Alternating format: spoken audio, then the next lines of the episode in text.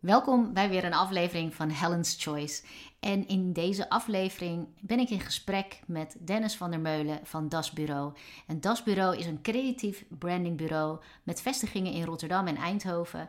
En in ons gesprek bespreken we eigenlijk verschillende onderwerpen uh, die te maken hebben met het groeien als ondernemer. Uh, Dennis er, die deelt zijn ervaringen en zijn lessen, zijn inzichten uh, van de jaren dat hij gegroeid is als ondernemer, waarbij hij in het begin nog met z'n tweeën werkte. Hij begon samen met zijn zakelijk partner. Um, en vandaag de dag heeft hij een heel team waarmee hij de opdrachten vervult voor hele mooie opdrachtgevers. En in die periode uh, heeft dat natuurlijk ook uh, van Dennis als ondernemer gevraagd dat hij bepaalde dingen nou, moest uitbesteden, anders uh, moest aanpakken. Uh, en dat is waar we het vandaag over hebben. Je hoort wat het verschil is ook voor hem in het ervaren van je vrije tijd als je echt vrij bent van werk. Dat als je nu op vakantie gaat en je kunt alles loslaten en je hoeft niet eens meer je e-mails te checken. Nou, hoe dat een verschil is met als je dat nog wel moet doen. Um, en hoe hij dat ook voor elkaar heeft gekregen. Dus hij deelt ook zijn tips en inzichten met jou als luisteraar. Heel veel plezier met deze aflevering. Het was echt een super leuk gesprek, heel inspirerend en uh, ik, uh, ik hoop ook heel leerzaam en inspirerend voor jou. Hi Dennis, welkom uh, bij, ja, bij de podcast. Hartstikke leuk dat je in gesprek wilde gaan met, met mij over het ondernemerschap. Ja, dankjewel. Leuk uh, dat ik uh, in jouw podcast mag uh, verschijnen. Hey Dennis, jij bent al een hele tijd ondernemer. Hoe, hoe, lang ben jij al aan het ondernemen met Das Bureau? Oef, um, nou, ik ben op zichzelf al, volgens mij mijn hele leven al aan het ondernemen. Maar dat het ook echt geld ging opleveren, wat naam mag hebben, is denk ik nou, nu een jaar of twaalf of zo. Denk ik, nou misschien wel 15 jaar al. Um, en ik heb daarvoor... Nee, dat is bureau uh, nu denk ik tien jaar. Okay. Ik heb daarvoor nog een ander bureau gehad, een uh, designbureau. En um, daarvoor heb ik gewoon altijd gefreelanced, opdrachtjes gedaan. Uh, ja, alle, alles zoals, zoals eigenlijk iedereen een, beetje, een beetje begint. Dus het, en toen ik jong was, deed ik al feestjes organiseren en uh, flyers maken en op allerlei manieren hosselen om, uh, om, iets anders te doen dan in de supermarkt werken, zeg maar. Ja, ja, ja, ja. Oh, wat leuk. Dus dat heeft er altijd wel in gezeten, dat je gewoon uh, nou, ging kijken wat je kon doen en, en waar je geld voor kon vragen, zeg maar. Ja, ja dat vond ik altijd wel, wel leuk. Ik kom niet echt uit een familie van ondernemers, helemaal niet zelfs. Dus ik weet ook niet waar het vandaan komt, maar nee, ik heb er altijd wel ehm, ja, altijd wel leuk, uh, leuk gevonden. En ik ben ook wel redelijk eigenwijs. Dus dat vaak beginnen mensen met een ondernemer te worden als ze denken van nou, ik kan dit zelf beter. Of uh, weet je wel. En ja. zo is dat bij mij ook gegaan. Ja, en heb je dan heb je ooit wel eens in dienst gewerkt ergens of eigenlijk nooit? Jawel, jawel. Uh, behalve allerlei baantjes uh, ben ik ook. Uh, ik heb bij een bureau, een designbureau gewerkt in Rotterdam. Toen ik eigenlijk nog half op school zat. Um, en daarna heb ik een tijd, een jaar of vijf, zes bij BNN gewerkt in -hmm. Hilversum. En eigenlijk toen ik daar bezig was, toen uh, ben ik eigenlijk begonnen. Werd eigenlijk alle klussen daarnaast, die werden dus eigenlijk steeds omvang, omvangrijker. En heb ik eigenlijk langzaam dag voor dag. Oh, ik nog wat koffie. Um, heb ik dag voor dag die uh, uh, ja, eigenlijk afgebouwd. Naar een, um, ja, naar, steeds van vijf dagen naar vier dagen, naar drie dagen. En zo heb ik eigenlijk langzaam uh, die ja, soort van eigen ondernemertje, uh, onderneming opgebouwd. Ja, ja, en want je begon dus eigenlijk in eerste instantie uh, alleen met vooral freelance klussen, opdrachten, losse klussen. Ja, ja ik heb ehm, ja, dat is, de, dat is het verhaal is te ingewikkeld om helemaal in de, deze podcast uit de doeken te doen. Maar ik ben in de muziekindustrie terechtgekomen, laten we het daarop houden. En ja. uh, met een, uh, toen, toen was ik, uh, zat ik in een, in een bandje en dat ging eigenlijk vrij snel naar een serieus plaatcontract. En zo ben ik in de muziekindustrie terechtgekomen. En daar kwam ik best veel bands tegen. Toen ontwierp ik al wel. Mhm. Ehm, maar toen, eh, toen werd ik gevraagd, eh, omdat ik ook ons eigen artwork deed, zeg maar, was ik, eh, werd door Within Temptation, dat is een grote eh, band, een internationale band uit Nederland. Mhm. Ehm, die zaten bij hetzelfde platenlabel en eh, toen heb ik voor hun artwork ontworpen. En ja, zij zaten weer bij een managementbureau, dus er zaten eigenlijk alle bands, dus Kane en Direct en van Marco Borsato tot, eh, noem het maar op, Crasip. Ehm, en toen- ja, toen ging ik eigenlijk al dat artwork ontwerpen. Ja, En ehm, dat was zoveel werk op een duur dat ik dacht, ja, dit nu, eh, ik, ja, dus zat ik s'avonds tot s'avonds laat zat ik dat nog te doen. En dan moest ik de volgende dag bij BNN werken. Dus toen dacht Ja. ik, dat, eh dat werkt zo niet meer. ja, Dus toen, eh, toen, toen ben ik voor mezelf, ja, dat heb, dat heb ik eigenlijk, ik had altijd wel een soort van btw-nummer natuurlijk, om dit soort klusjes te doen.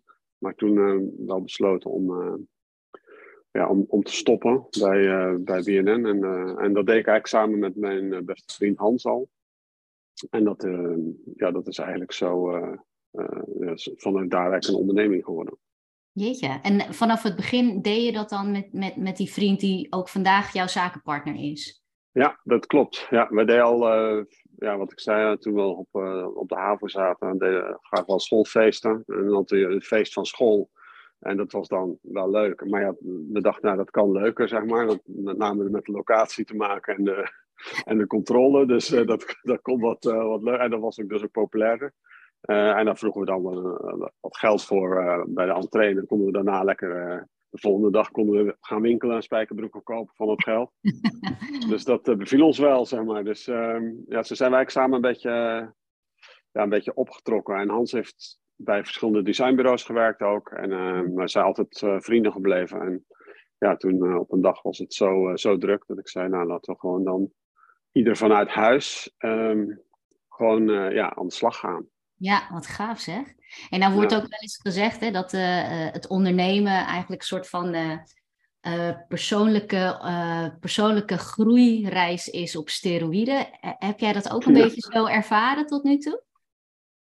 Ehm, tot, ja, zeker. Ehm, nou, het belangrijkste wat ik heb geleerd van ondernemen, en dat zal je wel herkennen, is dat heel veel mensen die beginnen een onderneming vanuit eh, dat ze iets leuk vinden om te doen. Ehm, en die gaan dat dan vervolgens doen.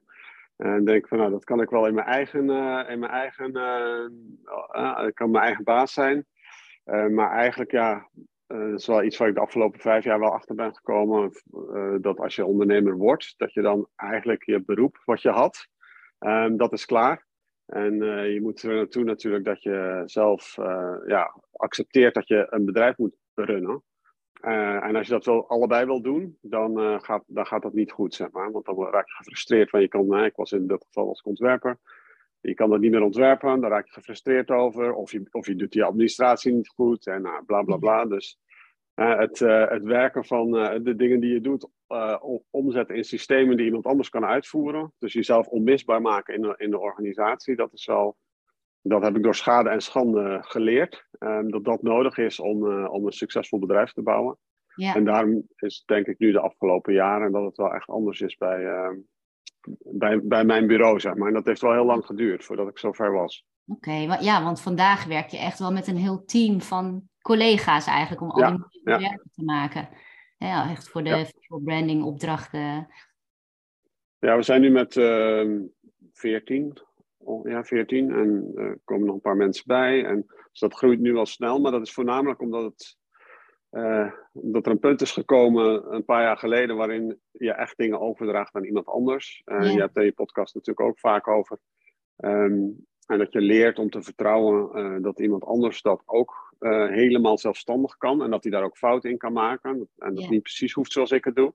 Ja, Ehm, ja, dat, maar en dat, dat je mensen niet onmisbaar maakt. Dat je niet een, heel, een hele baan rondom een persoon creëert. Wat we vroeger ook wel eens deden. Van, oh, die is hier heel goed in. En, oh ja, maar die vindt dat niet zo leuk. Nou, laten we dan maar een beetje die baan zo inrichten. ja, Die functie. ja. Ehm, dat is nu wel gestandaardiseerder. Dus, ja, maar ik heb daar wel aan moeten wennen. Want het voelt dan heel erg corporate, weet je wel. We hebben nu ook gewoon zo'n eh, zo'n organogram. Terwijl we eigenlijk helemaal niet zo groot zijn. ja. Maar toch organogram met alle rolverdeling. En eh, ja, als er iemand weggaat, vind ik dat jammer. Dat gebeurt gelukkig niet vaak. ja. Maar eh, ja, het is ook niet meer, mensen zijn niet meer onmisbaar. En dat, ehm, dat is denk ik wel een belangrijke eh, ja, les van, eh, van ondernemerschap, zeg maar. Dat je Ja. ja. die stap maken van wat, doen wat je leuk vindt naar oké, ik ga nu een bedrijf runnen, dan moet je wel leuk vinden. Als je dat niet leuk vindt, dan zal het echt niks worden met je bedrijf. Ja, ja, ja. En, en ja, wat, ik wel herken, ook bij mezelf, maar ook wel bij, bij andere ondernemers, is ook dat, ja, dat hele soort van ja, mensgerichte. Je, je hoort heel vaak dat mensen dan zeggen van, oh, maar ik ken nog wel iemand die zou me daarmee kunnen helpen. En dan ga je dus eigenlijk af op de persoon die je heel aardig vindt en waarvan je denkt van, oh ja, maar die, die kan wel wat uh, en die wil dat ook wel. En dat je dan eigenlijk je bedrijf soort van rond een persoon gaat bouwen of een ja. rol helemaal omheen bouwt. Dat je het eigenlijk zou moeten omdraaien. Ja, dat is ook een van de moeilijkste. Kijk, het moeilijkste vond ik is om iemand aan te nemen, de eerste persoon. Hè? Dus dat, dat er iemand bij komt, dat is heel moeilijk. Ja. En iemand uh, voor de eerste keer tegen iemand zeggen dat zijn contract niet verlengd wordt of dat, uh, dat je uit elkaar moet, zeg maar. Ja. Dat zijn gewoon moeilijke dingen, omdat, omdat als je een beetje empathisch uh, vermogen hebt, is het gewoon niet leuk om. je bent dan verantwoordelijk voor iemands geluk, voor een klein deel, zeg maar. Ja. En het voelt dan wel heel lastig dat je daar, ehm, ja, dat je iemands leven eigenlijk verandert, positief of negatief. En ja dat, dat vind ik wel, dat, dat is wel het lastigste aan ondernemen. Ja. Um, Maar dat wordt wel makkelijker als het groter wordt, als er meer mensen zijn, zeg maar. Dan, ja, dan kan je toch beter het geheel zien, zeg maar. En wat vond jij, wat vond jij het lastigste toen je voor het eerst iemand ging aannemen? Wat waren zeg maar dingen waar jij misschien van overtuigd was destijds, waarvan je achteraf denkt van nou, nee, weet je, ik, ik moest daar gewoon nog in, in leren en in groeien? Ja. Um, ja, wat, wat ik nu anders zou doen, is uh, toen ik iemand ging zoeken, ging ik iemand zoeken die kleine dingen van mij kon overnemen. Dus uh, ik, zit dan, ik zat toen nog echt in de ontwerpen, dus het uitvoerende werk. Uh, want dat was goedkoper. Um, en ik hoef dan die kleine dingetjes niet meer te doen. En nu zou ik echt meteen zoeken naar iemand die heel, een groot stuk van mij kan overnemen. Dus niet meer een kleine, een kleine hulp zijn. Dat voelt dan logischer. Ja. Maar eigenlijk ben je dan nog steeds evenveel tijd kwijt. Want je moet nog die persoon aansturen. En ja, dat doet misschien toch helemaal niet goed. Dus je kan dan beter net iets meer investeren. Ja. En iemand aannemen die, um, die heel veel werk van je over, of veel verantwoordelijkheid van je kan overnemen. In plaats van dat je iemand zoekt die een klein beetje verantwoordelijkheid overneemt. Want Mm. dat, dat, je zet dan niet echt een stap voor, voorwaarts. Ja. En die, die, die ander kan ook die kleine dingen doen, maar ook grotere dingen. En dan, dan kan je echt vooruit, zeg maar. En anders heb je eigenlijk gewoon een soort extra taakje erbij, namelijk iemand. ehm, ja, ja, het is wel- ander iemand moet je ook managen natuurlijk, maar het, ja, ik, zou, ik zou niet meer zo die, die kant op gaan van eh, kleine taakjes overnemen. Ik zou nu echt zoeken naar iemand die, die echt een grote taak overneemt. En dat, Ja. dat heeft nie- niemand mij ooit verteld, maar als ik het nu deel met andere mensen, zeggen ze ja, ja, dat heb ik ook wel. Ja, ja, dus eigenlijk zou jij vanaf het begin al een soort van, is dat dan een soort van rechterhand die eigenlijk een beetje eh, al, al, al kan wat jij doet, zeg maar? Ja, als ik nu ondernemer zou worden, zou het eerste wat ik zou doen, is een organogram maken. Voor, ook al ben ik alleen, gewoon alle functies die je hebt in een bedrijf, marketing, eh, financieel, eh, al die dingen zou ik gewoon, daar zou ik rollen van maken. En dan in, in het begin ben je alleen, dus dan heb je misschien wel 15 banen of wel 10 banen. Ja. En dan vanaf onderaf naar boven gaan werken. Van welke processen kan ik echt volledig overdragen. En niet een klein beetje, maar volledig overdragen aan iemand anders. En dan zo van onderaf naar boven opbouwen. En dat was ook wel een inzicht van de laatste jaren. Dat ik denk, ja, een organogram is alleen maar voor hele grote corporates. Maar het is juist goed als je klein bent, om daar al mee bezig te zijn. En dan die rollen al te verdelen. En dan kan je namelijk ook zelf. het is makkelijker om iemand te vinden, omdat je duidelijk hebt omschreven wat die taken zijn, die verantwoordelijkheden. Ehm, en eh, je, je, weet ook waar je aan, op aan het bouwen bent. En het is niet wat, wat, wat je net zei ook van, nou, ik kom iemand tegen en die zou misschien een beetje administratie kunnen doen, maar die is ook wel creatief. Of eh, en die is ook goed met mensen. Hoe kan ik daar een functie omheen creëren, zeg maar. Ja, Ehm, ja, dat, als je dat op die andere manier aanpakt, dat voelt wel heel erg corporate, maar ik denk dat om een bedrijf te bouwen, dat dat wel ehm the way Ja. to go is. ja, dat is een mooie tip om, eh, om een organogram te maken. Ik heb dat ook wel eens gedaan en dat is ook best soort van eh, een eye-opener, dat je dan ziet hoeveel Ja. je echt doet als je alleen bent. En- Ja, zeker, ja. op het moment dat je dan eh, voor het eerst dan misschien iemand inschakelt om iets van jou over te nemen, dan, dan hik je er ook nog een beetje tegenaan van, nou ja, maar het kost maar tien minuten of zo voor mij om dat te doen en dat kost ook nog maar Ja. een kwartier en dat doe ik ook zo even. Maar als je dat dan uittekent in die verschillende rollen, dan zie je ook hoe vaak je moet schakelen. Dus ook al zijn het maar tien minuten, dat schakelen Dat kost enorm veel belasting.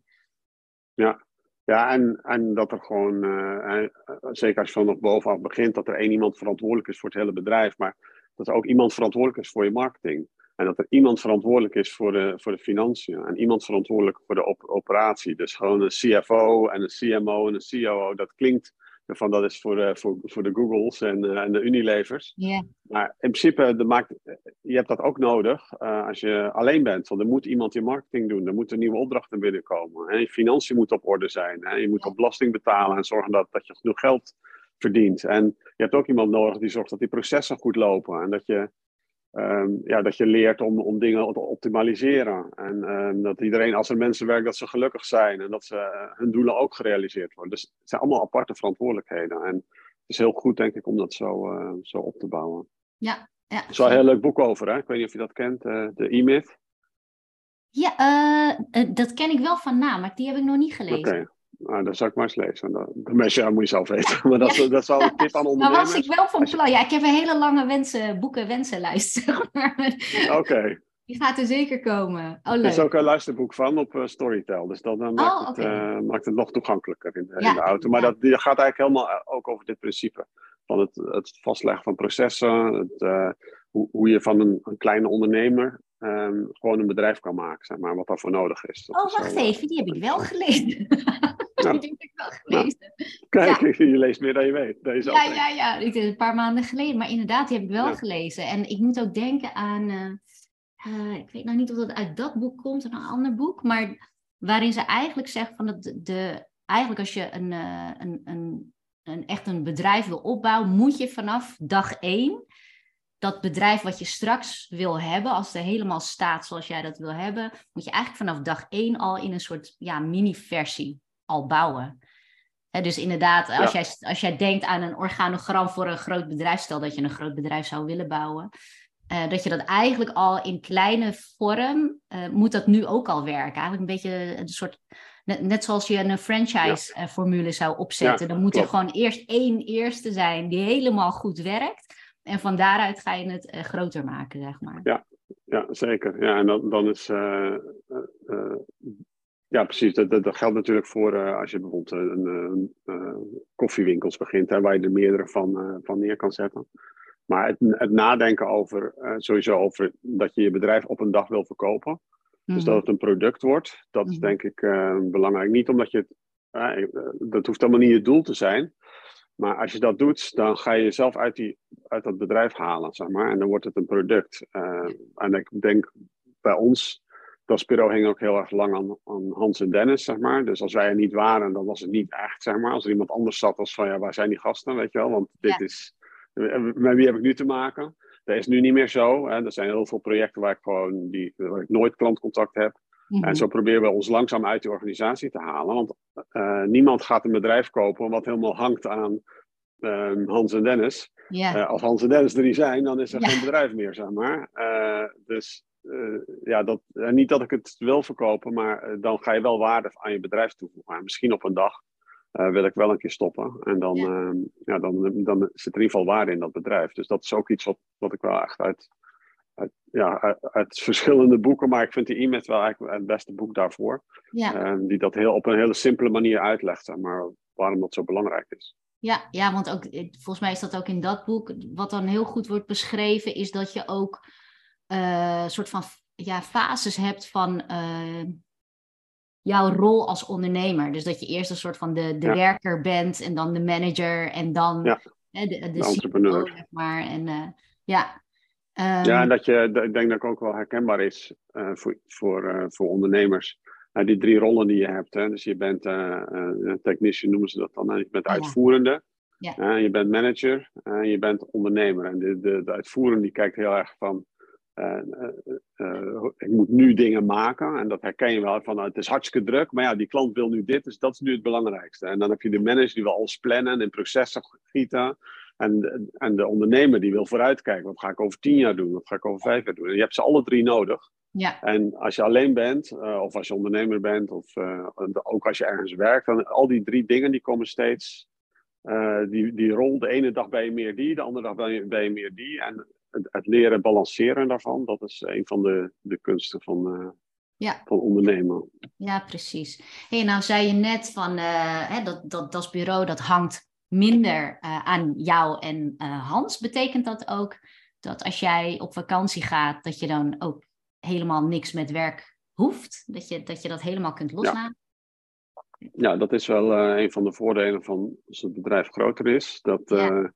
Vroeger was het inderdaad, weet je wel, dat ik wel eens op de, op de helling van de, van de, de, de skipiste nou even een, een, paar dingen moest regelen, zeg maar, met mijn telefoon. Uh, en uh, ja, dat, dat, is nu wel, dat is nu wel klaar, zeg maar. Dus, en ik denk, we hebben natuurlijk projectmanagers um, die over het algemeen eigenlijk alle klanten en al, van alle projecten weten wat de status is. Dus ik heb alleen met hun eigenlijk overleg. Ja, en um, dat geeft wel een hoop uh, rust, want dan kan ik me als ondernemer, ik heb nu nog maar een paar, ik heb niet al die rollen meer, maar een van de rollen is nieuw business. Um, en uh, uh, het managen van het bureau, en daar kan ik me gewoon op richten, zeg maar. Uh, ja. Terwijl ik weet dat het werk wel doorgaat. Dus het is niet alleen als ik niet op vakantie ben, maar ook als ik op kantoor ben, hoef ik me met die dingen bezig te houden. En niet met het maken van ontwerpen of het, ehm, het, het, managen van de financiën of dat soort dingen. Dat is allemaal ja. verdeeld. Ja, wat heerlijk.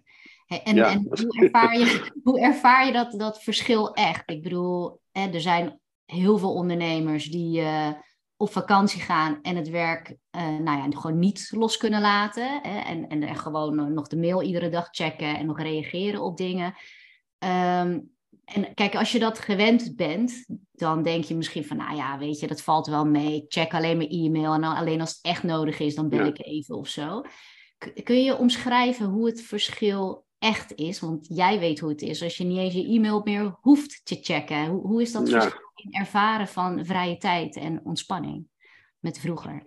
Ja, dat is ook iets wat je denk ik, wat ik in ieder geval heel erg heb onderschat. Niks doen. Um, dus uh, het voelt dan van even, um, even de mail checken. Maar wat er in je hoofd gebeurt is natuurlijk dat er een heel groot deel wordt gereserveerd om daarover na te denken. Dus één mailtje uh, kan ervoor zorgen dat ik uh, misschien wel een half uur, dat er een deel van mijn hersenen bezig is. Met al die linkjes maken en dus het lijkt, de handeling is heel klein, maar de hoeveelheid ruimte die het inneemt in je hoofd is heel groot. Dus laat staan als ik vier mailtjes lees en er zitten er twee bij van een proces wat niet goed gaat. Of misschien nieuw business, weet je wat ik super interessant vind.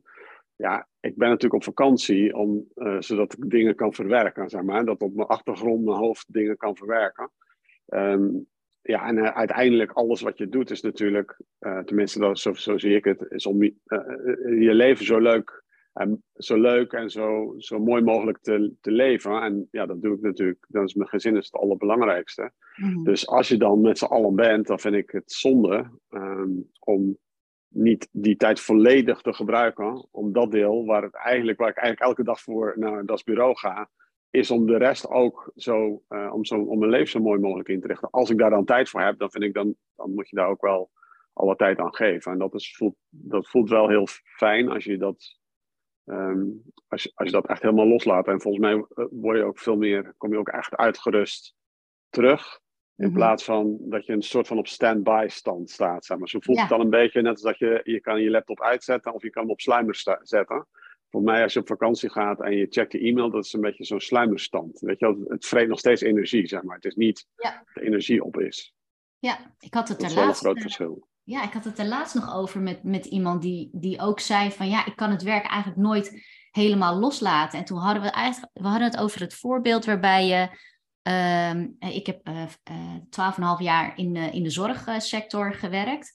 Um, en ik weet dat daar gewoon een aantal mensen iedere dag wel een soort van vrij zijn, maar wel stand-by. Voor als er echt calamiteiten zijn, dan moest diegene daar naartoe om dat op te lossen. Of dat nou midden in de nacht is of niet, hè, dan is er gewoon iemand die stand-by is. En toen hadden we het er ook over van, ja, weet je, eigenlijk ben je daardoor toch altijd een beetje alert. Weet je, dus ook al ja, ben je vrij en je hebt leuke dingen gepland. Het, gewoon het weten dat je uh, nou ja, je bed uit zou moeten als er gebeld wordt. Of weet je, dat er misschien iets staat te gebeuren waarbij jij aanwezig moet zijn en gefocust.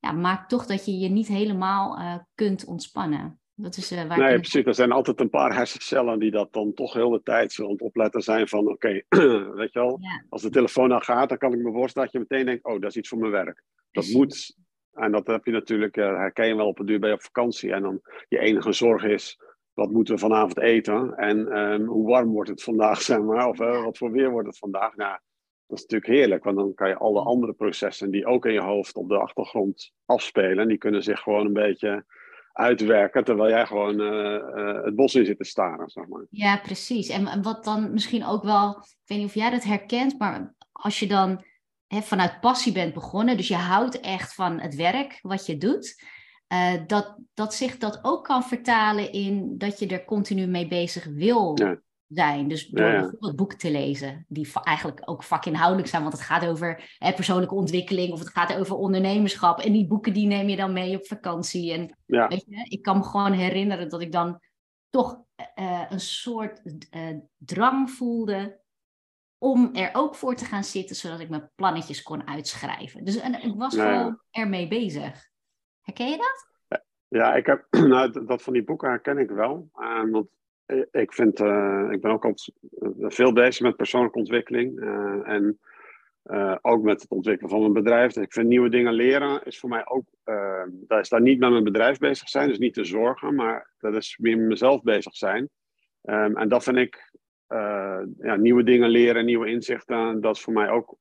dat is voor mij geen werk, zeg maar. Dat is, um, dat is gewoon in jezelf investeren. En dat, dat is ook een kans van. Um, van ontspanning voor mij, zeg maar. Dat ik mezelf beter maak of anders maak of reflecteer. En daar heb je ook rust voor nodig, zeg maar. En uh, dat, dus daar gebruik ik die vrije tijd ook wel, uh, ja. wel voor, ja. En als je zo uh, terugkijkt naar de ontwikkelingen die jij hebt doorgemaakt als ondernemer, wat, wat was voor jou echt een hele grote uitdaging, waar je inmiddels misschien wel doorheen bent, maar wat is echt iets waarvan je denkt van, nou, weet je, dat, dat vond ik echt heel, heel lastig? En daar heb ik ook wel iets aan moeten doen om, de, ja, om daar een andere kijk op te hebben of op een om te gaan. Um, ja, ik heb zelf de lat vrij hoog liggen. Dat zegt iedereen natuurlijk over zichzelf, maar um, ik dus ook.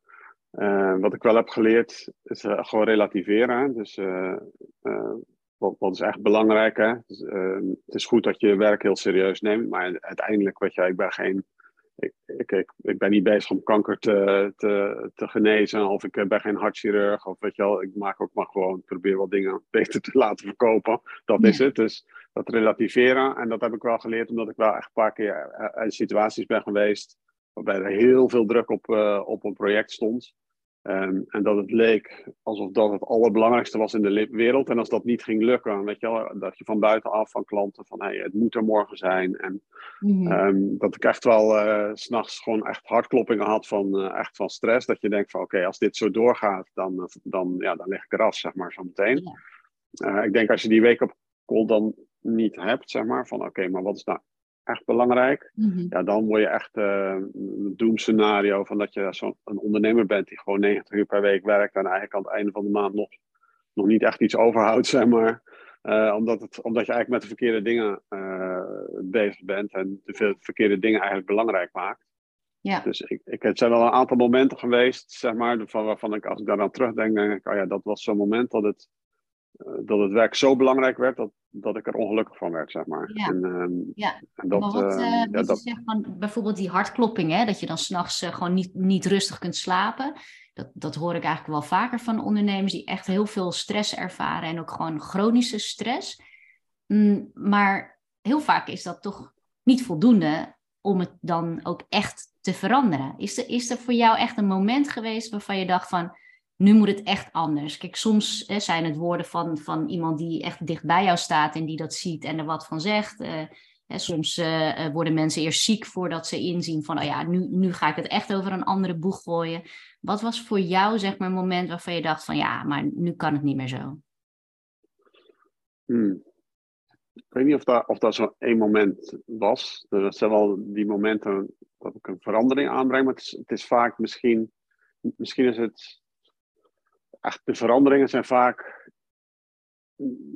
Uh, bijvoorbeeld als ik een boek heb gelezen, waardoor ik denk van, oh wacht even. Uh, ik vind sowieso een boek altijd magisch. Hè? Dat is een soort van raam wat open gaat en je denkt, oh wacht even. Dat boek stond al de hele tijd al in die kast. Het was gewoon papier op een plank. En dan heb ik het gelezen en dan mijn kijk op de wereld of op mijn leven of op mijn werk verandert. Dat vind ik sowieso altijd, ja. dat, dan vind ik dat zo leuk.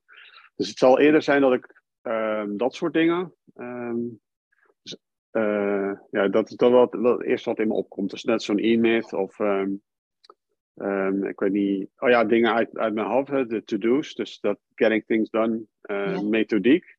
Mm Dus een methodiek die ik mezelf uh, een jaar of twaalf geleden heb aangeleerd. En dit gebruik ik al twaalf jaar. En dat zorgt voor super veel rust. Omdat ik, ik had geen overzicht meer van wat ik allemaal moest doen. Er zaten gewoon kruisjes op mijn hand, post-its op mijn, uh, op mijn monitor. Uh, ik had een, e een e-mail uh, waar ook nog to-do's in zaten. En daar werd ik super onrustig van. Dus dat heeft mij wel daar, echt geholpen. Kun je daar de, de, essentie van, van dat boek eens toelichten? Of van jouw methode mm -hmm. voor de luisteraar? Um, ja, nou ja, je kan googlen op GTD, Getting Things Done. Dat is, mm -hmm. dan, zal je, dat, dan vind je eigenlijk de, de basis, en dan vind je die, van alles over die methode. Maar de basis is in principe dat je op, uh, uh, op een aantal momenten op een dag uh, alles wat in je hoofd zit eruit haalt. Dus dat betekent alles wat ik moet doen. Oh ja, ik moet nog, ik moet zo meteen iets voor het avondeten bedenken. Ehm, ik moet nog een belasting doen. Alles wat in je hoofd zit, wat je nog zou moeten doen, dat dump je zeg maar op één plek. dus dat is vaak digitaal, want iedereen heeft een laptop of een, of een telefoon. En um, dat doe je de hele dag door, dump je dat erin. En er zijn eigenlijk twee momenten op een dag, voor mij dan, s ochtends en aan het einde van de dag. Dan ga ik de inbox, dat zit dan in de inbox, en die ga ik dan langs.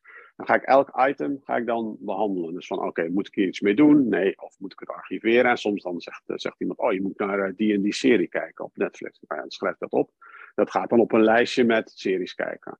En zo wordt alles gearchiveerd of gedelegeerd aan iemand anders. Of ik doe het meteen als het heel weinig tijd kost. Maar het idee, het is eigenlijk een soort extern geheugen. Het idee dat mijn hoofd niet alles hoeft te onthouden. Van, oh ja, ik moet nog die serie kijken. Oh ja, ik moet nog boodschappen doen. Oh ja, ik moet morgen trouwens nog wel dit voorbereiden. Dat is voor mij allemaal extern nu. Um, en ik weet dat er een moment is op de dag dat ik dat, um, dat, ik dat behandel, zeg maar. En ja. dat heb je dan digitaal, maar je hebt dat ook fysiek. Dus ik heb ook een, een, een doos, een, een zwarte doos. Iedereen heeft die bij das bureau.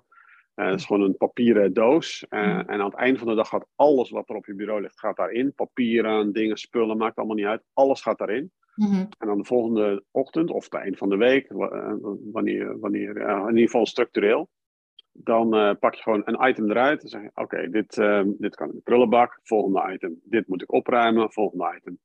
Ja, dat is gewoon veel makkelijker. want aan het einde van de dag is je bureau schoon. Dat geldt in je huis ook. Alle spullen in één doos doen. Of, of ja. je gaat één stuk oppakken en je gaat in de kast zetten. Dan pak je een, een, een kledingstuk, ga je dat in de kast leggen. Of je doet alles in één doos, dus in één keer opgeruimd. Ja. En dan ga je het één voor één eruit halen. En dat is eigenlijk hoe dat systeem werkt. En ja. nou, probeer ik het zo, zo, simpel mogelijk uit. Het is ook niet ingewikkeld. Uh, maar het moeilijkste eraan is het implementeren. Mm -hmm. uh, en dat je leert, dat je hersenen leert. En dat duurt zeker wel een week of zes, zeven voordat je je hersenen vertrouwen ja. Van oké, okay, ik hoef dat niet meer te onthouden, want dat staat ergens, zeg maar. Ja. Ik, weet je, ik hoef niet bang te zijn dat ik het ga vergeten, het is ergens. En dat, daar, heeft, daar heeft zoveel ruimte op uh, in mijn hoofd vrijgemaakt, uh, dat ik niet meer al die dingen hoef te onthouden. Uh, ja, dat, dat, dat, dat proces is wel echt, dat kan ik iedereen aanraden. Maar het is wel, je moet wel een beetje volhardend zijn. Want is... Ja, ja, ja, want dat klinkt ook wel inderdaad, dat is echt een nieuwe gewoonte die je jezelf moet aanleren. Ja. Ik heb wel eens, ja. uh, ik weet niet, misschien komt dat uit het boek uh, één, één Ding. Ik weet niet of je dat kent. One Thing. Nee. Van Gary, Gary Keller, volgens mij zo uit mijn hoofd. Uh, en, maar dat gaat eigenlijk over het, het Pareto-principe. Dus waarbij bij alles wat je doet, eigenlijk 20% van alles wat je doet zorgt voor 80% van het resultaat. Uh, dus kun je eigenlijk beter op die 20% richten, maar hij trekt het dan echt in het extreme. Dus binnen die 20% kun je ook weer de 20% daarvan nemen en je eigenlijk nog meer daarop richten. En, en zo maak je het steeds kleiner tot je uitkomt op wat is ding. het ene ding ja. waar je je nu mee bezig moet houden, wat dan uiteindelijk leidt tot nou ja, datgene wat je dan voor elkaar wilt krijgen. Um, dan ben ik dat aan het uitleggen en dan denk ik, wat, waar wilde ik ook weer heen met mijn vrienden? ik ben helemaal kwijt. um, die vraag weet ik niet, maar ik herken oh, wel... Ja. Uh, dat... ja, ik weet het, oh. ja, ik weet het weer. Volgens mij was het in dat boek uh, dat hij ook zei van als je een, aan een nieuwe gewoonte begint, dat het niet, uh, volgens mij, dat het niet 21 dagen is of zo voordat het er echt in zit, maar iets van 66 dagen. En dat heb ik toen heel letterlijk, letterlijk genomen, dat is een aantal jaar geleden. En ik voelde me toen echt in die periode echt intens moe, gewoon mentaal gewoon moe. En uh, ik had me voorgenomen, ik ga, eerder, ik ga eerder naar bed, want dat helpt natuurlijk sowieso al. Dus ik dacht, ik ga in plaats van uh, om half één, ga ik om half twaalf naar bed. Dat klinkt simpel, want ik was natuurlijk altijd wel moe en zo. En, uh, maar ik wist ook, het is een hardnekkige gewoonte. Want ik had het al vaker geprobeerd, gewoon voorgenomen. En weet je, dan komt al heel snel de klad erin. Dus ik dacht, oké, wat kan ik doen om ervoor te zorgen dat ik 66 dagen achter elkaar dat haal, om half twaalf. Toen dacht ik, ja, het enige wat ik kan verzinnen is een echte stok achter de deur. Dus ik ging elke dag, ging ik op Facebook, ging ik live. Ik had mijn intentie dus uitgesproken, ik ga 66 dagen live.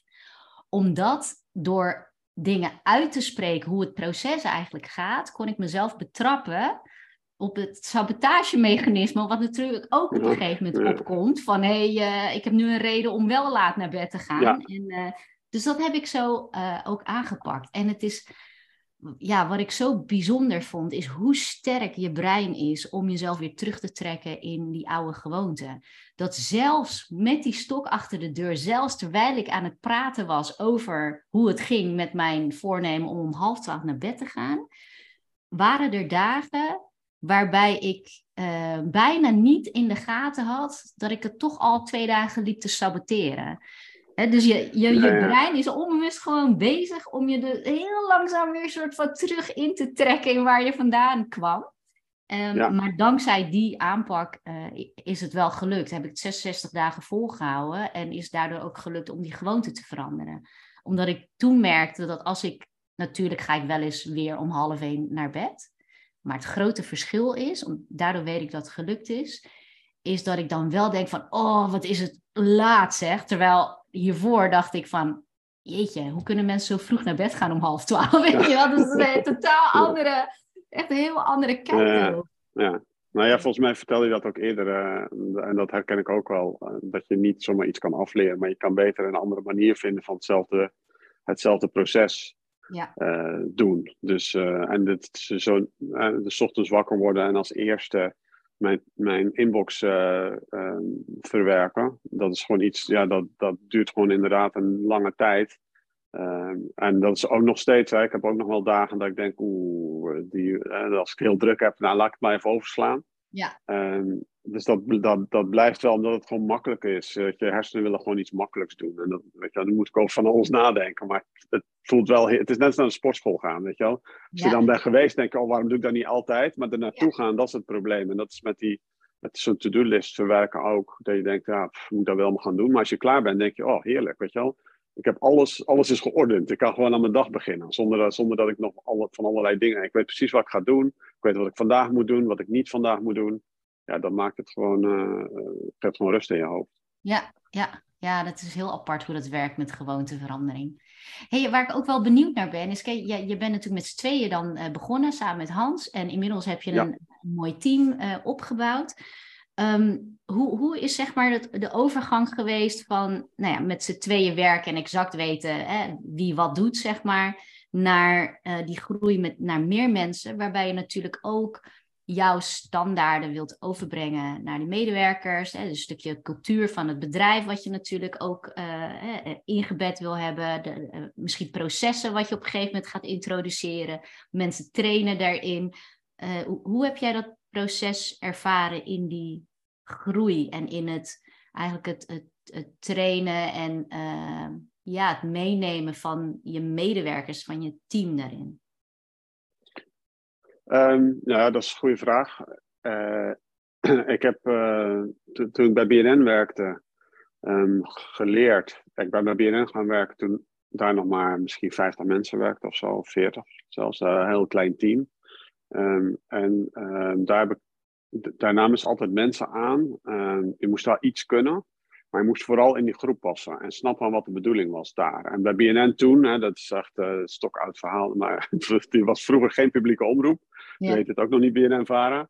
Uh, en zij wilden gewoon het publieke bestel verjongen. Um, dus uh, dat is nu niet meer voor te stellen, maar toen was het echt nog, uh, ik veel, twintig jaar geleden of zo, was het echt nog ja, dat was, voor jongeren was er eigenlijk niks op de publieke omroep, zeg maar. Dat was allemaal, iedere omroep had zijn eigen, uh, zijn eigen pilaar. En dat was eigenlijk voor jongeren vrij, vrij weinig te doen. Mm. Um, en BNN wilde dat veranderen. Dus het is super duidelijk wat je daar gaat doen, zeg maar. En um, ze focussen heel erg op, is dit iemand die bij het team past? Niet of je, weet je wel, uh, je mocht wel anders zijn. Er werken allemaal mensen met een gebruiksaanwijzing. Maar ze keken heel erg van, past dat in het team, zeg maar. En dat is eigenlijk iets wat wij ook bij dat bureau heel erg goed toepassen. Van, hebben het idee dat deze persoon, dat die past in, de, in deze groep, zeg maar. En uh, nu zijn we zo groot zijn we natuurlijk niet, maar dat is wel super belangrijk. Want als iemand ja. uh, zich op zijn plek voelt um, en uh, je hebt het idee van, nou hier zou ik ook wel een keer mee op vakantie kunnen, bij wijze van spreken. Niet dat het moet, maar dat je, dat je niet de hele tijd denkt van, ga weg. Mm -hmm. um, dat je dat gevoel hebt van die past erbij, dat maakt wel dat het iemand die misschien een, een 7 is, gewoon in die omgeving een 9 of een 10 kan worden. En uh, iemand die er niet bij past, die kan in no time terugzakken van, uh, van, een, uh, van een 9 naar een 6 of naar een 5, zeg maar. Omdat het gewoon niet werkt, omdat die dynamiek niet werkt. Dus ik denk, wat, wat we altijd wel, dat heb ik daar wel geleerd, is mm. gewoon in de gaten houden dat dat team een team is. En dat je ook, ook mensen beschermt voor die gewoon misschien daar niet in passen. Ja. en dat is bij ons ook wel gebeurd dat mensen echt vertrokken zijn. Um, omdat ja, omdat we het gevoel hadden van ja, dit past gewoon niet. Zeg maar. dit, uh, ja. dit, dit, ja. dit, werkt niet goed. Maar is dat dan een, uh, uh, gewoon een gevoel bij het gesprek wat je dan met iemand hebt? Ja, ik denk dat ik wel. We hebben altijd. Ja, misschien doen we dat ook niet goed hoor. Misschien zijn er heel veel mensen weg, niet aangenomen om, om, om, om, omdat we daar misschien wat makkelijker in zijn. Maar ik kan eigenlijk al in, in een paar minuten met iemand zitten. Um, wel vrij snel een beeld van hoe iemand, uh, hoe iemand is. Mm-hmm. Um, en probeer ook al vaak meer, meerdere mensen te betrekken binnen ons bedrijf om, daar, om te kijken. Je weet natuurlijk pas echt als, je iemand, uh, als iemand bij je werkt.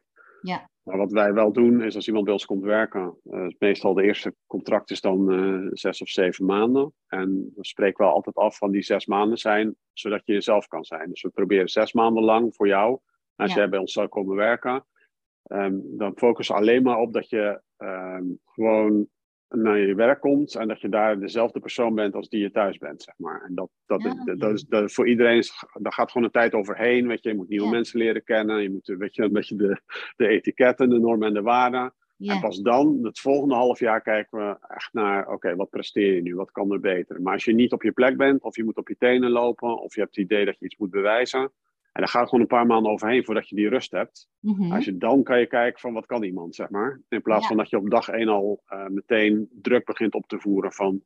Uh, weet je wel, je moet bepaalde dingen doen of bepaalde doelen halen. Um, dan zie je nooit de echte persoon, zeg maar. Dus oh, we hebben dat altijd in een, een, jaar opgelegd. Ja, dat vind ik echt een hele mooie, ja, mooie benadering. En, en, mm, maar ik kan me ook voorstellen, kijk, iemand die net begint, hè, als die de lat voor zichzelf hoog legt, uh, die, die wil presteren. Die, die ja. heeft ook de neiging om vooral te laten zien wat hij kan en misschien niet ja, ja. wat hij niet zo goed kan. Hoe, hoe zorg je ervoor dat iemand uh, ja, eigenlijk daarin ontspant en gewoon zichzelf kan zijn? Hoe, hoe, hoe stimuleer je dat? Ja, dat is gewoon uh, de, de, cultuur en de sfeer natuurlijk die je gewoon dagelijks voelt als je um, op je werkplek komt. Die moet dat toestaan. Hè? Dus uh, we proberen een cultuur te creëren van uh, nieuwsgierigheid. Dus dat mensen nieuwsgierig zijn naar wat andere mensen doen. Uh, en daarmee komt ook dat je misschien feedback krijgt of tips krijgt. dat, dat je dus jezelf kwetsbaar, kwetsbaar kan opstellen. Dat is een van de belangrijkste dingen bij ons naar jezelf toe, naar je collega's toe, maar ook naar, opdrachtgevers toe. Um, en als, als je ziet dat je collega's dat ook doen, Hè, van, uh, hey uh, Helen, kan je eens meekijken met dit, wat verder van, ik weet niet of het goed genoeg is, weet je wel, kan je eens meekijken. Um, dat gebeurt gewoon bij ons heel veel. En dat, dat, ik denk dat dat ervoor zorgt dat je, er is niet een prestatiecultuur en er is ook geen, uh, het is al more talent, less ego. Mm-hmm. Het gaat niet over de individu, zeg maar, van wat, wat het is geen wedstrijd intern. Het is met z'n allen voor dat bureau. En ik denk dat als je, als je er werkt, dat, tenminste dat zo, je zou dat eigenlijk aan die werknemers moeten vragen, niet aan mij. Maar ik heb het idee mm-hmm. dat dat wel heel erg helpt om je sneller uit die prestatiedrang uh, te halen. Als je ziet dat andere mensen um, dat ook doen, die misschien wel, waar je misschien tegenop kijkt, waar je van zegt, oeh, die, die is al een senior, die werkt hier al zes jaar. Mhm. Als die ook nog zegt van hé, hey, ik twijfel een beetje over of, of dit wel het beste is wat ik kan doen. Ja. ja. waarom zou jij dan, als je net komt, waarom zou je dat dan niet mogen, uh, mogen zeggen, zeg maar. Dus ja. Uh, ja, dat heeft wel echt met die cultuur te maken. Ja, ja super mooi. En uh, wat ik me dan ook afvraag, ik werk ook veel met mensen die een carrière switch willen maken. En een van de soort van grootste struikelblokken voor mensen die dat die dat willen en die, die proberen te ontdekken wat ze dan willen doen, is eigenlijk dat ze denken dat bedrijven er niet op zitten te wachten als je nog geen ervaring hebt in datgene wat ze dan willen doen. Hoe, hoe kijken jullie daar tegenaan vanuit das bureau? Um, van mensen die dat denken, of of je wel of geen ervaring nodig hebt? Ja, dus stel in hoeverre. Uh, dus stel dat iemand, uh, nou ja, wel misschien wel een opleiding of zo heeft gedaan, of uh, wel iets daarin, maar nog niet veel en die zou bij das bureau uh, willen werken. In hoeverre vind je het belangrijk dat iemand, nou ja, eigenlijk alle vinkjes kan uh, uh, aftikken, zeg maar, in de vacature die je, die je plaatst voor een functie? Um, ja, dat, dat komt een beetje wat ik net vertelde over hoe ik dat bij BNN heb geleerd. Dus voor een deel wel. Um, maar het belangrijkste is dat ik het gevoel heb dat iemand um, wil, wil leren, zeg maar. En dan niet alleen maar zegt van ik wil leren, maar dat, dat, dat ik dat idee ook krijg. En dat heb je in een gesprek vaak wel vrij snel door hoe mensen praten over ontwikkeling.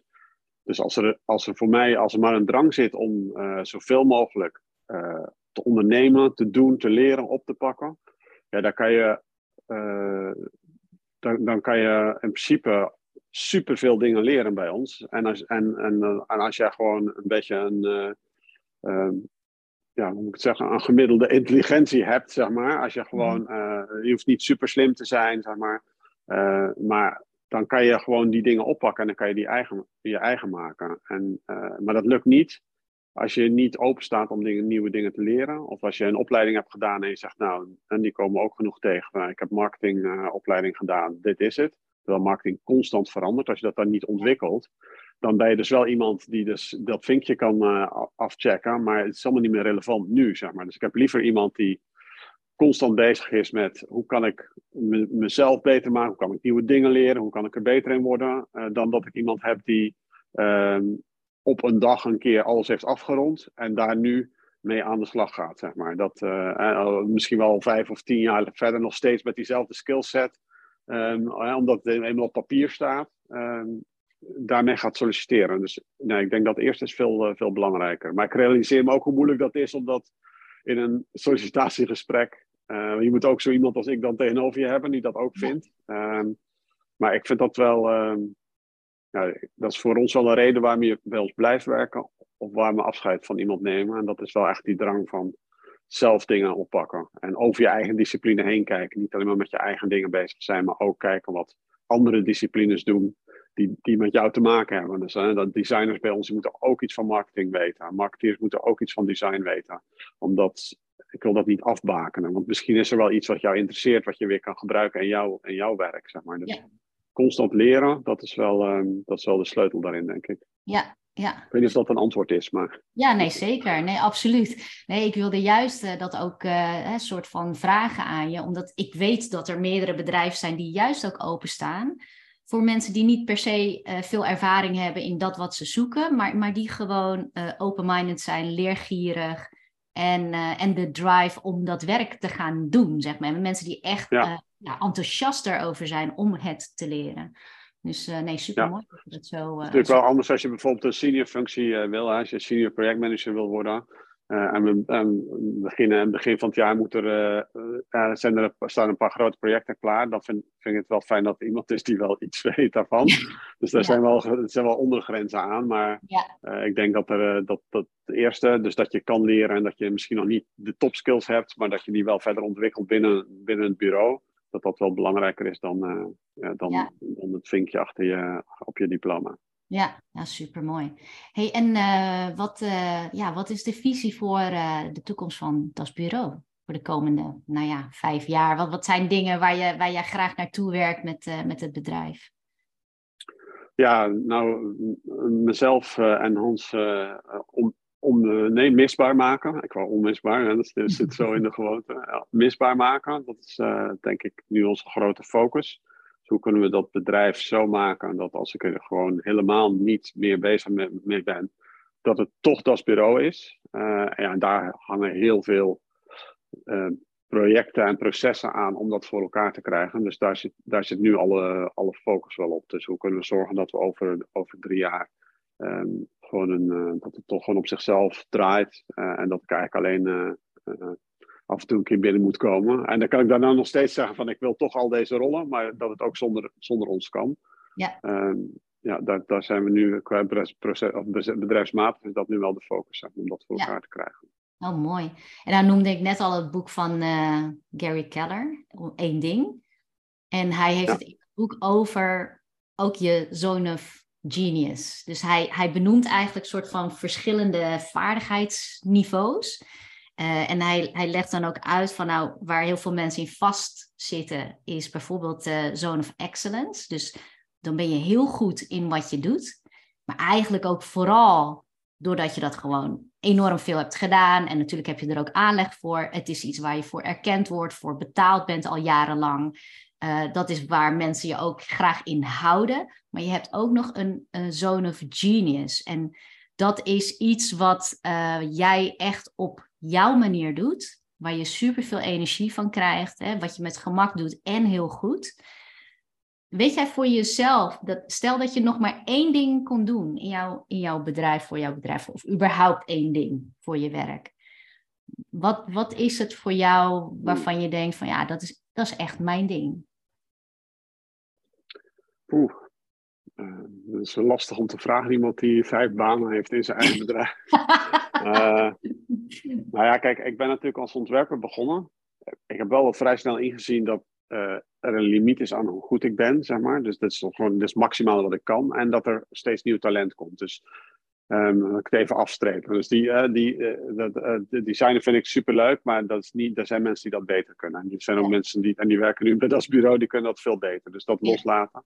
Ik denk, ik denk wat ik het leukst vind om te doen, en waar ik denk ook goed in ben, is um, andere mensen um, helpen om door ze te inspireren en te motiveren om uh, die drempels die ze zelf ervaren in hun eigen kunnen of in hun eigen, hun eigen beperkingen, om ze te helpen om daar overheen te komen. Door ja. uh, tips te geven of door te coachen of, ja, of door een cultuur te creëren waarin je, je je prettig voelt of gewoon alle mogelijke manieren, zodat er meer uit, uit, uit die personen komt. Dat vind ik ook het leukste om te doen. Dus zorgen dat het eigenlijk uh, dat iedereen optimaal functioneert, zeg maar. En dat zijn allemaal verschillende dingen. Uh, maar dat vind ik wel vind ik het leukste om te doen. En ja, als ik maar één ding zou moeten doen, dan zou dat zijn. Dus ja. ik steeds kijk van hoe kan ik dat, hoe kan ik iedereen nog meer zichzelf laten zijn binnen dat bureau, zodat ze zichzelf ook uh, overstijgen. Ja, wauw, supermooi. Is dat, had, je dat, had je dat ook gedacht toen je zeg maar een aantal jaren geleden nog meer rollen had in je, in je bedrijf? dat dat het was waar je echt je, je ei in kwijt kunt, zeg maar? Um, nee, nou ja, kijk, we zijn natuurlijk, in het begin waren we gewoon met z'n tweeën. Dus dan zit het vooral bij klanten en dan je zorgen. Dat vond ik ook, vind ik ook nog steeds heel leuk. Om klanten te overtuigen van hè, dat ze dan bij ons uh, en dat ze van bureau moeten switchen. Of dat, ze, dat wij het beste bureau. Ik, kan ook niet, ik snap ook nooit waarom er niet 4000 man voor, bij ons voor de deur staat met werk, zeg maar. En ik van, het is gewoon het leukste bureau wat er is. Dus alles is hier perfect. Um, dus uh, ik kon dat bij klanten al heel erg doen. Uh, maar eigenlijk, um, nou, doordat ik, uh, het is natuurlijk om ook omdat je ouder wordt en dat je veel ook van dat soort boe boeken leest, waar je ook net aan refereert. Dus dat ik bij anderen zie waar ik zelf ook mee heb geworsteld. En dat ik het wel fijn had gevonden als er toen ook iemand was die had gezegd van... Hey, misschien, uh, ik heb een tip voor je, of ik zie, ik zie, ik herken iets, misschien kan je dat op die manier doen. En als je dan ziet dat mensen daar voordeel van hebben, dat geeft mij veel voldoening. En ik weet niet of ik dat altijd al had, maar dat is wel iets wat is gekomen natuurlijk nu er meer mensen bij ons werken. En, en ja, waarschijnlijk ook omdat ik ouder ben geworden. Dat je denkt ja. van oké, okay, ik heb een beetje die rust. En kinderen natuurlijk, hè, dat is een soort van klein bedrijfje, een ja. bedrijfje. Je probeert ook al die dingen mee te... Ja, ja. ja precies. Ja, corporate. um, Nee, maar dat, daar heb je eigenlijk diezelfde dingen. Dus misschien heeft dat wel bij elkaar te maken. Dat je misschien die rol van um, mensen probeert te helpen en te stimuleren. Dat ik dat, uh, dat, dat gekomen is uh, toen ik kinderen had. Dat ik dacht van, hé, hey, dat vind ik wel... Ja, dat, dat, vind ik leuk. Omdat je ziet dat er iets verandert bij iemand voor de lange termijn. Dat vind ik... Die gedachte dat iemand bij dat bureau werkt. En ik ben ervan overtuigd dat niemand ik zeg wel altijd, als je bij ons komt werken, is tot je pensioen. Maar dat is natuurlijk niet zo. Mensen gaan, die hebben gewoon een eigen agenda en die gaan weg. Dus dat weet ik ook wel. Maar als je gewoon zes of zeven jaar bij ons hebt gewerkt, dat is zo'n belangrijk deel van je leven.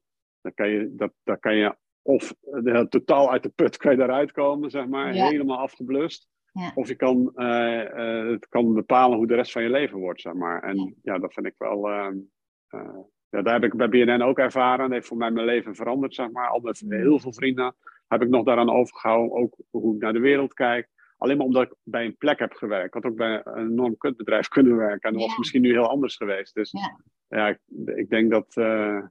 Dat probeer ik me altijd voor ogen te houden. Als stagiaires komen bij ons. Ik denk, ja. Uh, dit is de, en we hebben nu een stagiaire die, wilde, die zit op het Graafs Lyceum. En die zei, ja, ik wil hierna gaan werken. Terwijl het is hartstikke getalenteerd zei, nee, je moet academie gaan doen. Ja, dat vind ik moeilijk en dat kan ik niet. En uh, daar hebben we het over gehad. En ik zei, ja, nou, ik, ga toch, ik ga toch proberen. Ik ga toch academie doen. denk, ja, als dat dan lukt, uh, dan is de, de, hele pad, de, de, rest van haar leven, die verandert dan, zeg maar. Nou, dat vind ik wel, dat vind, dat vind ik wel fijn om te ervaren. Ja, ja, heel gaaf. Ja, dankjewel Dennis. Het was echt een supermooi gesprek. Ik vond het echt hartstikke leuk wat je allemaal gedeeld hebt met mij en, met de luisteraar. Um, als mensen geïnteresseerd zijn om meer te weten te komen over jou en over Das Bureau, waar, waar kunnen ze dan terecht? Um, met werk kunnen ze nemen. Um, nee, je kan uh, natuurlijk gewoon onze, onze website om meer over mijn bureau te weten. Dat is dasbureau.nl. Um, en ik ben op LinkedIn te vinden, Dennis van der Meulen. en ik hoor bij Das Bureau. En uh, nou ja, ik vind het altijd leuk om, uh, om ja, om, om andere ideeën te horen of met mensen in contact te komen. Dus ik vind het altijd leuk om nieuwe mensen te ontmoeten. Dus je kan ook gewoon een mailtje sturen bij Das Bureau. En dan, dan kunnen we misschien uh, nou, of uh, wat van elkaar leren of tips uitwisselen. Dus altijd leuk om te horen van mensen. Nou, dankjewel. En ik neem die informatie ook op in de show notes. Dus daar kun je het als luisteraar ook terugvinden als je dat wil. Um, Dennis, dankjewel nogmaals. Ik vond het echt een superleuk gesprek. En nou, luisteraar, ook. ook. hartstikke bedankt en tot een volgende aflevering.